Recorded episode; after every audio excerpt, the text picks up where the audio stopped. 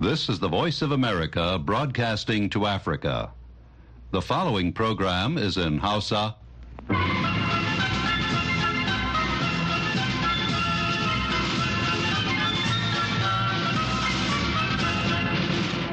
Sashen Hausa na muryar Amurka ke magana daga nan birnin Washington DC.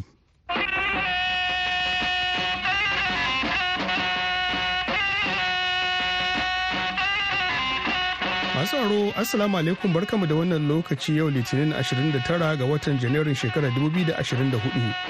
Mahmud Lalo ne tare da Ibrahim Kalmasi Garba muke muku lale marhabin a cikin shirinmu na ƙarfe 4 agogon Najeriya, Nijar, Kamaru da Chadi ƙarfe 3 kenan agogon Ghana. Kafin ku ji rahotannin da muke tafi da su ga Ibrahim da kanin labaran duniya. To Mahmud, Firaministar Italiya na ganawa da shugabannin Afirka yau Litini. Australia ta zama ƙasa ta baya-bayan nan da ta dakatar da bayar da gudummawa ga cibiyar tallafawa Falasɗinawa ta Majalisar Ɗinkin Duniya. sannan ukraine ta ce bataliyar tsaron sararin samanta ta kakaɓo jirage marasa matuƙa guda takwas waɗanda ƙasar rasha ta cillo a hare-haren da ta kai da daddare kanin labaran duniyar kenan gaskiya ni dai a ra'ayina wannan abin babban farin ciki ne Me yasa? saboda da ba mu san musu waye ba Lalle a ra'ayina ni gamba su bismillahi ban yi goyi ba a hice daga cikin Sidiyawo ba. Sidiyawo nan da ta samu yadda jama'ar Nijar ke bayyana ra'ayi mabambanta kenan kan ficewar kasarsu da Mali da Burkina Faso daga ƙungiyar ECOWAS ko da yawo za ku ji karin bayani. To ko mai masana a fannin kimiyyar siyasa da diplomasiya ke cewa kan wannan sabuwar dambarwa a yankin yammacin Afirka? To wannan fita da suka yi na mataki da suka ɗauka ba wani abu ne fushi ne suka yi saboda dama tun tuntuni a wannan ƙungiya ta dakatar da su. Mana suna cikin dakatattu wanda ya hada har da gini. To muna kuma tafa da shirin ilimi garkuwar ɗan adam wanda baban gida Jibril zai gabatar kan tsarin ilimi a Najeriya, Amurka da China, amma fa sai mun fara da shan labaran duniya tukuna.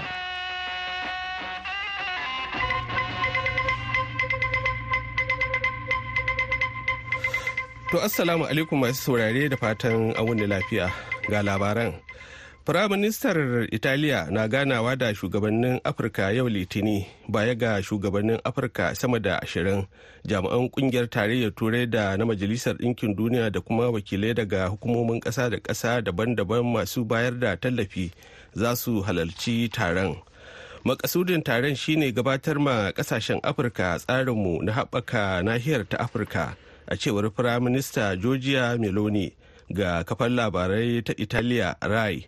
ta kara da cewa wannan na nufin wani sabon tsari wanda babu kwara ciki babu ubangidanci ciki tsari ne na ɓangare da ɓangare don a gudu tare a tsira tare a cewar meloni ana lakabi ma wannan tsarin da shirin metai don tunawa da enrico metai wanda ya kirkiro babban kamfanin mai da gas wanda gwamnati ke tafi da shi.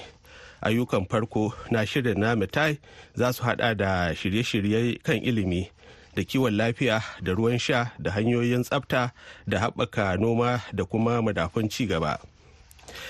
Austria yau litini ta zama ƙasa ta baya-bayan nan wadda ta dakatar da bayar da gudunmawa ga cibiyar tallafawa falasinawa ta majalisar ɗinkin duniya unrwa kwana guda bayan da sakatare janar na majalisar ɗinkin duniya antonio guterres ya yi kira ga ƙasashe da su ci gaba da bayar da tallafin kuɗi don a taimaka ma mutanen da aka raba da muhallansu a gaza waɗanda ke matuƙar buƙatar taimako.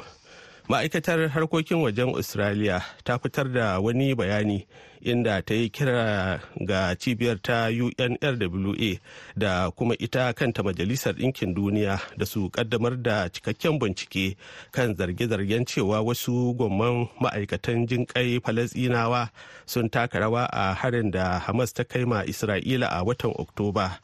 Ƙasashe akalla goma waɗanda ke bayar da wajen kashi 60 cikin ɗari na tallafin na unrwa ɗin sun dakatar da bayar da tallafi.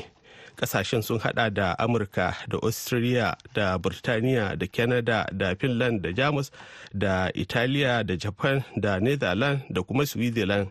Jiya lahadi ƙasar norway ta ce a yayin da ita ma take damuwa da wannan zargin ita kan fa za ta ci gaba da bayar da tallafi. To nan gaba kaɗan Ibrahim zai dawo da ƙarshen labaran duniyar kafin nan.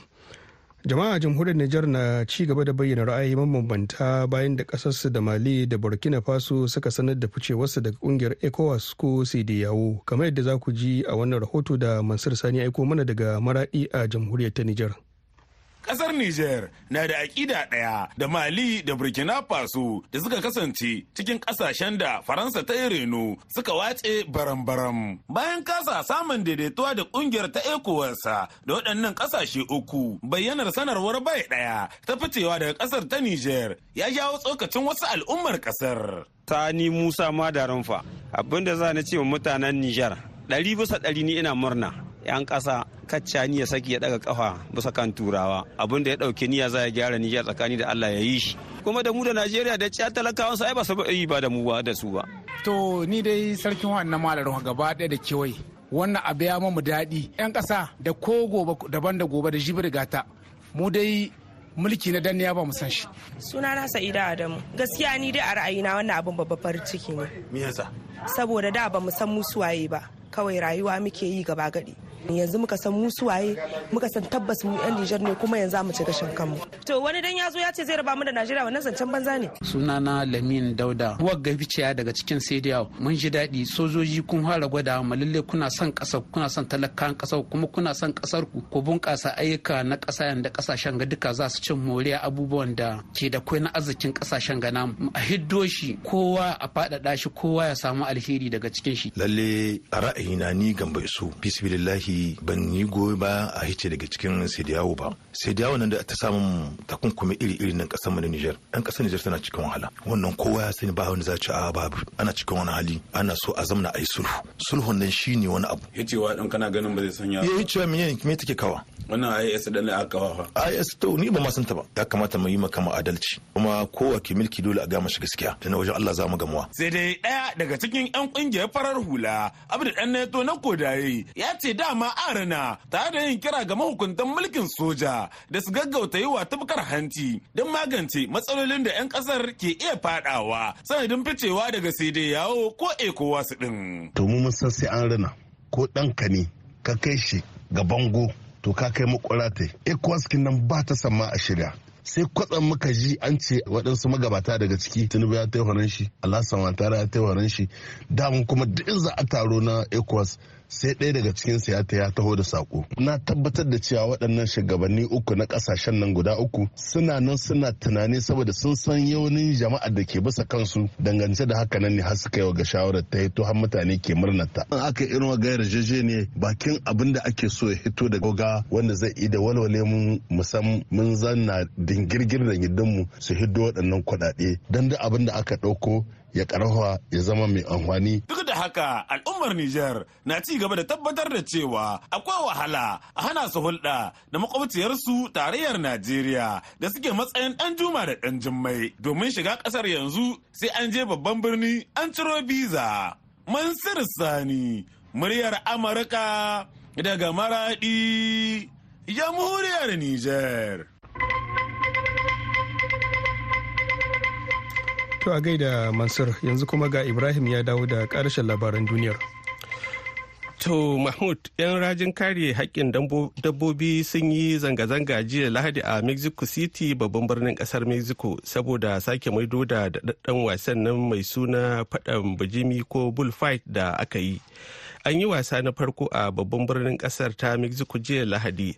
Kusan shekaru biyu bayan da kotun kolin ƙasar a watan disamba ta share fagen sake maido da wasan mai tara ɗumbin jama'a. Nadia ramirez yar rajin kare haƙƙin dabbobi ta ce.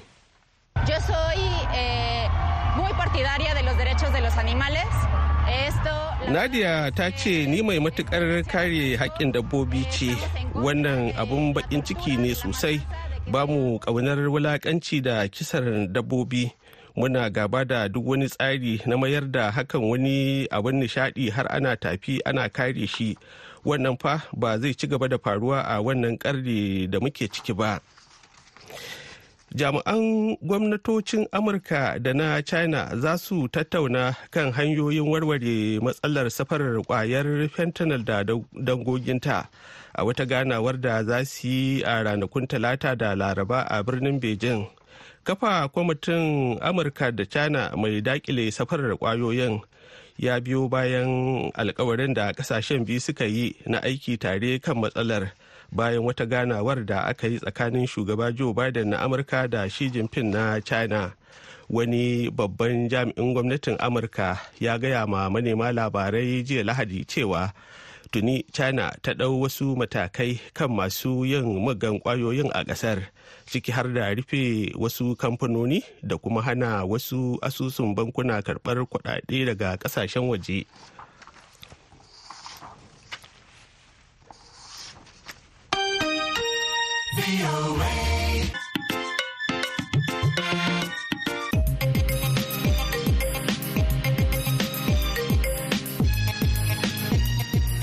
Ibrahim Karamasi Garba kenan ya karanto mana labaran duniya daga nan sashen Hausa na murya Amurka a birnin Washington DC.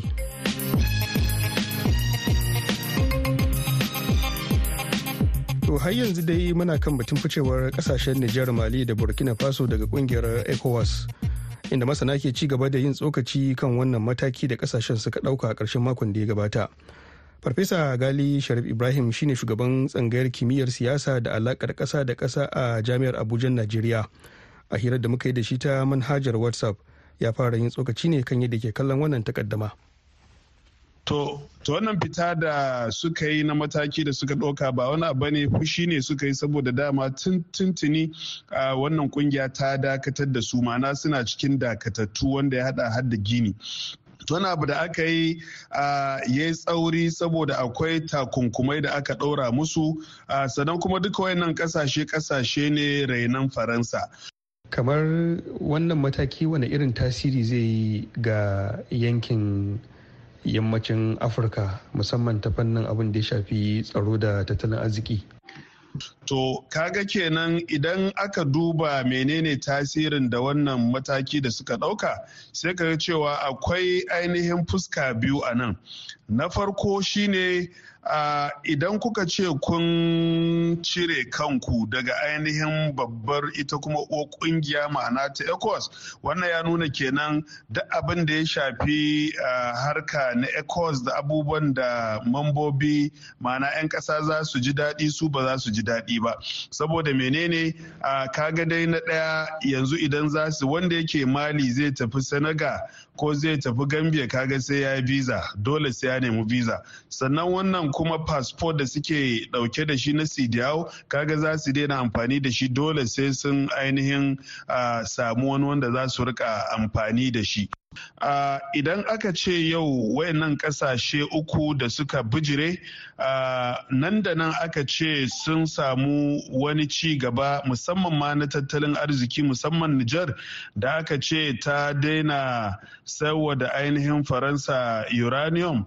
Uh, to kaga idan yadda take siyarwa yanzu an yi amfani da wayannan kuɗaɗe an assasa wani tubali na ci gaban ƙasa to kaga yana iya jawo ma Nijar alkhairi. Amma abin da muke gudu muke tsoro shine kaga idan aka ce sun zama kamar kowace ƙasa ta afirka wannan kuɗaɗe da ake samu ana sace su ana fatali da su. Kamar yadda muke gani a wannan ɓangare namu na Najeriya ga mu dai da arzikin man fetur amma tamkar ba mu da shi. Ɗimbin kuɗaɗe suna shigowa ana samu amma barayi sun yi yawa. To wannan yana uh, wani irin yanayi ne na ƙasashen afirka ga baki ɗayansu ga arzikin amma kuma ba a ganin ina arzikin yake shiga ko kuma ina yake tafiya. To idan sun iya sun yi yaƙi da cin hanci da rashawa sannan kuma sun yi yunkurin ganin cewa sun bunƙasa tattalin arzikinsu ba su ba ma nan gaba wasu za su iya su ce sun bar ecos sun koma ɓangaren su. To amma sai dai su su tuna cewa su fa gwamnati ne na sojoji kuma nan dole za su yi zaɓe na demokradiyya.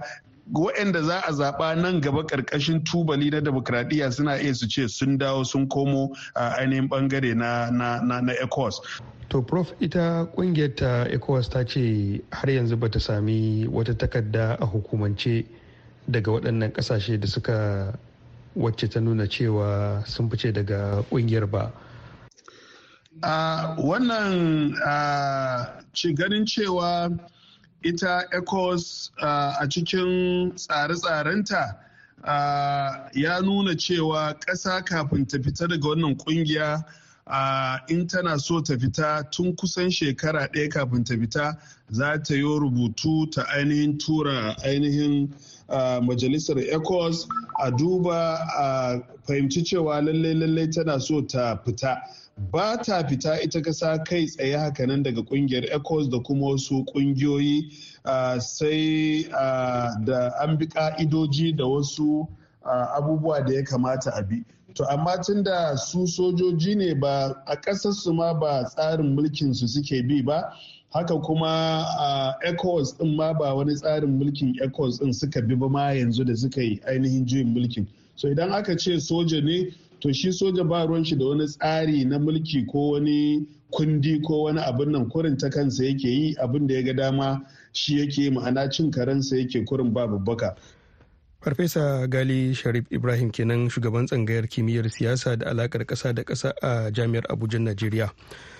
Wannan shirin na zuwa muku ne daga nan sashen hausa na murya amurka a birnin washington dc a jamhuriyar nijar za a iya samun mu a tashar mu ta voa africa akan mita 102.5 yanzu kuma ga shirin ilimi.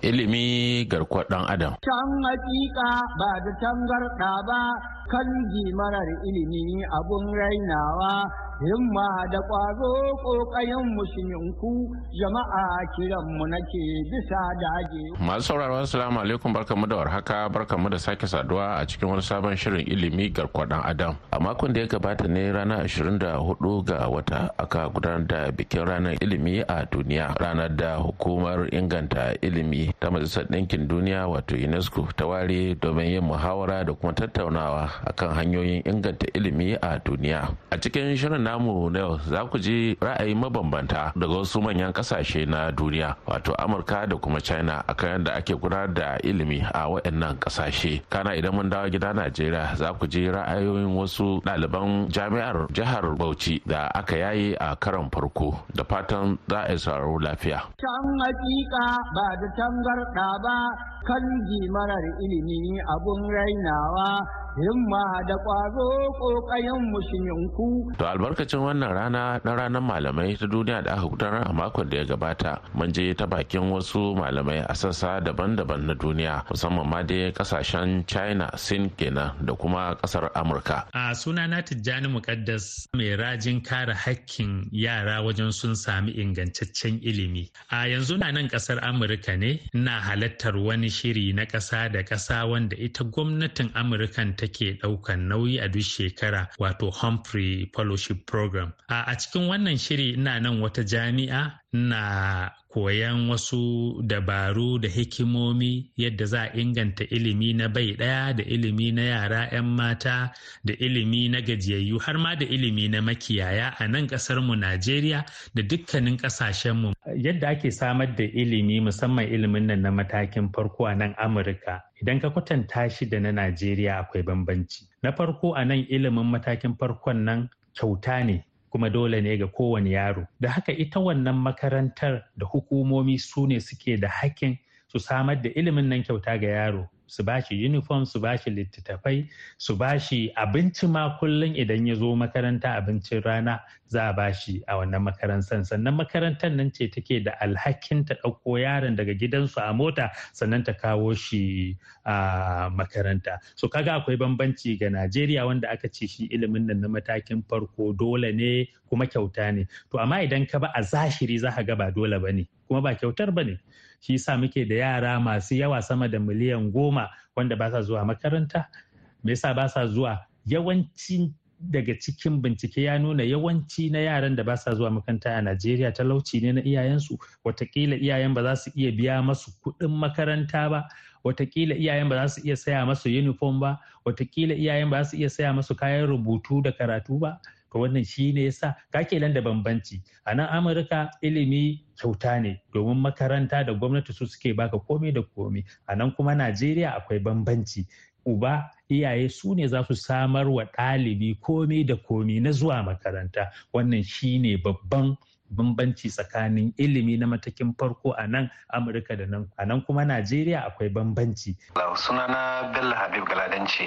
Na zo na yi masters a nan china inda na yi mba wato karatun kasuwanci kenan kuma na zo na yi phd inda na kware a ɓangaren koyarwa na yi bincike To, Malam Bello, ku za ka gaya mana bambancin koyarwa a ƙasar Sin da Najeriya da kuma Amurka? Eto, um, bambancin tsarin koyarwa tsakanin China da Amerika shine su a nan a cikin al'adarsu, a cikin al'adarsu koyarwa yana ɗaya daga cikin ayyuka da aka fi mutuntawa. Kuma da aka ce kai malami ne mutane ba ƙaramin girman ka suke gani ba, ba ƙaramin martaba ka suke gani ba. Wannan yana daga cikin al'adarsu saboda in ka duba tunda su ba addini ne da su ba amma suna da kamar mutane kamar Konzu wanda ake cewa Confucius da Laozi. Malamansa su ne waɗanda za a ce tsofaffin tun tarihin tun lokacin da can baya. Su ne manya-manya waɗanda suka kawo kamar irin tsarin tunani na al'adun mutanen China.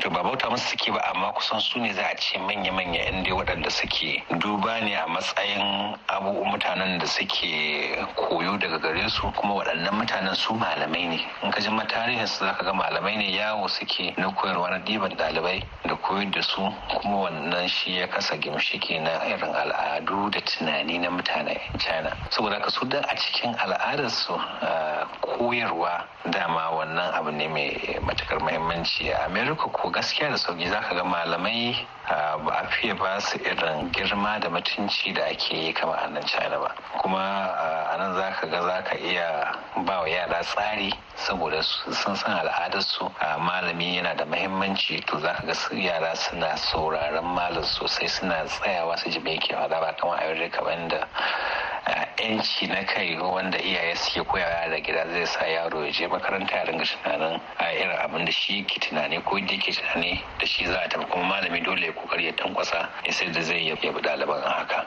To wannan shi ne maraba. Najeriya ko ai ba za a haɗa ba tunda malamai ai ba wannan ba malamai ba ne sai dai a ce masu kawai dai bayi ne dai waɗanda kawai tunda abin da za a bai fi dubu talatin dubu arba'in za a ɗauka a baka ba. Wannan ai marabar shi da bauta ba shi da yawa tunda mai wannan zai maka? In dai har koyarwa ake so kai sosai to dole sai an baka. Kusan kamar alal misali dubu ɗari shida dubu ɗari bakwai a wata to wannan shine malami na asali. A halin yanzu gaskiya najeriya babu malamai. To wannan shine bambancin. to a nan gida najeriya kuwa jami'ar jihar bauchi ita ce yaye ɗalibanta a karo na farko. Kuma wakilinmu a jihar bauchi abdulwahab muhammad ya je ta bakin wasu ɗalibai da aka yaye a wannan jami'a. sunana esther isaac. Na karanta microbiology. Ilimi yana da mahimmanci musamman yara mata. Da ilimi za ka iya koyar da yaranka san abubuwa mai kyau da mara kyau. In ka samu ilimi kai ma yaranka za su iya ilimi. Kamar in an ba su abu a makaranta za ka zo ka iya yi musu suma. Amma in baka da ilimi bayan da za a yi kai maka kai musu. So shi sa ilimi yana da muhimmanci. Sunana hafsat adamu. Na karanci yaren turanci english language na karanta. Ilimi na da muhimmanci sosai saboda zai kai ka inda baka tunani kuma yana sa ka zama na world experience. To haka ne muhimmanci yana ilimi na da muhimmanci sosai tun ba ga ya mace ba. Saboda ana cewa wai in ka ilmantar da mace kamar ka ilmantar da al'umma ne. Duk wanda yake kusa da ita duk wanda ya rabe ta zai zama na ya amfana. Zan yi na zan ƙoƙari na diyan da hidima ya zo na ƙasa ko na al'umma ko diyan da ake bukatan mai irin kwali na ko wani taimako haka dai zan yi ƙoƙari in ga cewa na halarci wannan guri kuma na ba da gudumawa na ɗari bisa ɗari da yardar Allah. Na gode musu na gode musu kuma mahaifina ina roƙon Allah ya ji kanshi Allah ya gafarta mishi. Justice late justice Azam Adamu Abdulhamid da kuma mahaifiyata Hajiya Safiya Bala ina matuƙar godiya a gare su saboda da ba don ita ba da ban kawo ga yanzu ba. Sunana kuma da Jibril Isa Abdullahi daga nan Bauchi State University Gadau. Na gama a faculty of education department of english education. Set of set 7 kenan insha Allah. Eh to ilimi gaskiya wani abu ne wanda yake da matuƙar amfani saboda ilimi madubi ne da ke nuni da hutar rayuwar dan adam. Ba tare da ilimi ba babu abin da zaka iya cimmawa. Komai a rayuwa yana bukatan ilimi. Ilimi wani abu ne wanda shine ainihi wato kaman kashin bayan rayuwar dan adam. Ba tare da ilimi ba babu wani abu wanda zai yi a yanzu haka na fara amfani da ilimi na saboda a yanzu haka ni malami ne a makarantar sakandare ina koyar da turanci. Fata na shine mu daɗa ba ilimi mahimmanci sannan kuma mu dinga amfani da ilimin mu a hanyoyi da ya dace a rayuwa. Sunana umar sani yakubu. Kuma ɗaya daga cikin ɗalibai ko kuma mu ce ɗaya daga cikin wanda aka yayi su daga nan makaranta na jami'a mallakar jihar bauchi wanda ake kira a turanci bauchi state university ga ɗau na iya ce ai ya samu asali ne tun daga kafuwar ita karan kanta duniya. Idan muka duba idan muka sauko kan annabin annabi muhammadu sallallahu alaihi wasallam iya wahayin da aka fara masa ma kenan akan yayi karatu. Hakan yana nufin cewa komai za ka yi a rayuwa kana bukatan ilimi a kai. To masu sauraro a madadin lokacin ma'aikatan sashen Hausa na muryar Amurka da kuma bakin namu musamman ma dai wakilinmu Abdulwahab Muhammad da kuma jami'ar da ta ba da umarni da daidaita shirin Julie Leather Gresham na ku baban Jibrin ke cewa huta lafiya sai wani makon. Can hakika ba da tangarda ba kan marar ilimi abun rainawa himma da ƙwazo ƙoƙayen musulminku. A gaida baban gida Jibril yanzu kuma sai labaran duniya a taƙaice.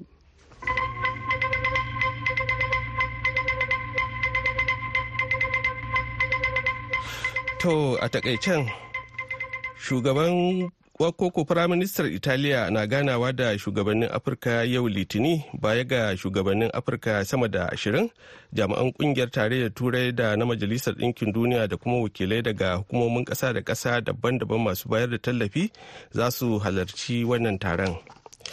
Ukraine yau litini ta ce bataliyar tsaron sararin samanta ta kakabo jirage marasa matuƙa guda takwas waɗanda ƙasar rasha ta cillo a hare-haren da ta kai da daddare.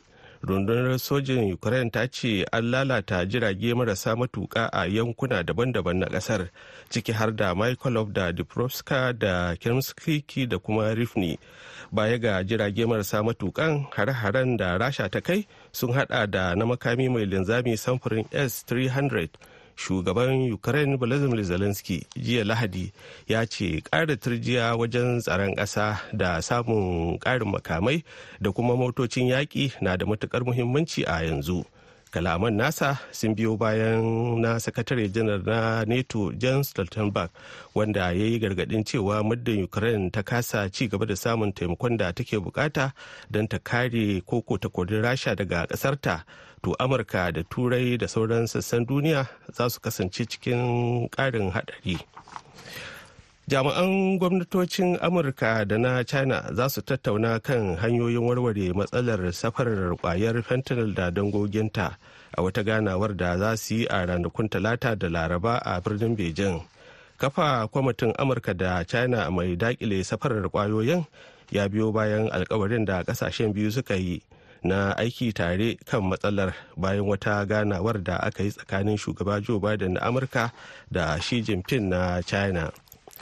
Australia yau litini ta zama ƙasa ta baya-bayan nan wadda ta dakatar da bayar da gudummawa ga cibiyar tallafawa falisinawa ta majalisar ɗinkin duniya unrw kwana guda bayan da sakatare janar na majalisar ɗinkin duniya ya yi kira ga ƙasashe da su ci gaba da bayar da tallafin kuɗi don a taimaka ma mutanen da aka raba da muhallansu a gaza waɗanda ke matuƙar buƙatar taimako.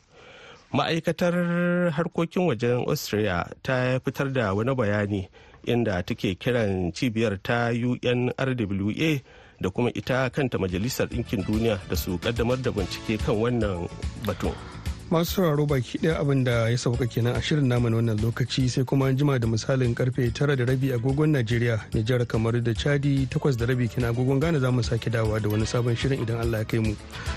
Kada a yi nisa shirin yau da gobe na nan tafe kuma za a iya zuwa shafukanmu na intanet wato voahausa.com ko kuma sashin hausa.com domin sauraron wannan shirin da ma waɗanda suka gabata. Kazalika za a iya leƙawa shafukanmu na facebook da x wato twitter sai instagram da youtube domin samun labarai a daidai lokacin da suke faruwa yanzu kan a madadin ibrahim kalmasi garba da ya ca ni gabatarwa da julie leathers gresham ta haɗa mana shirin da injiniyan mu yau ni mahmud lalo nake cewa mu tara a shirin namu na dare idan allah ya kai mu.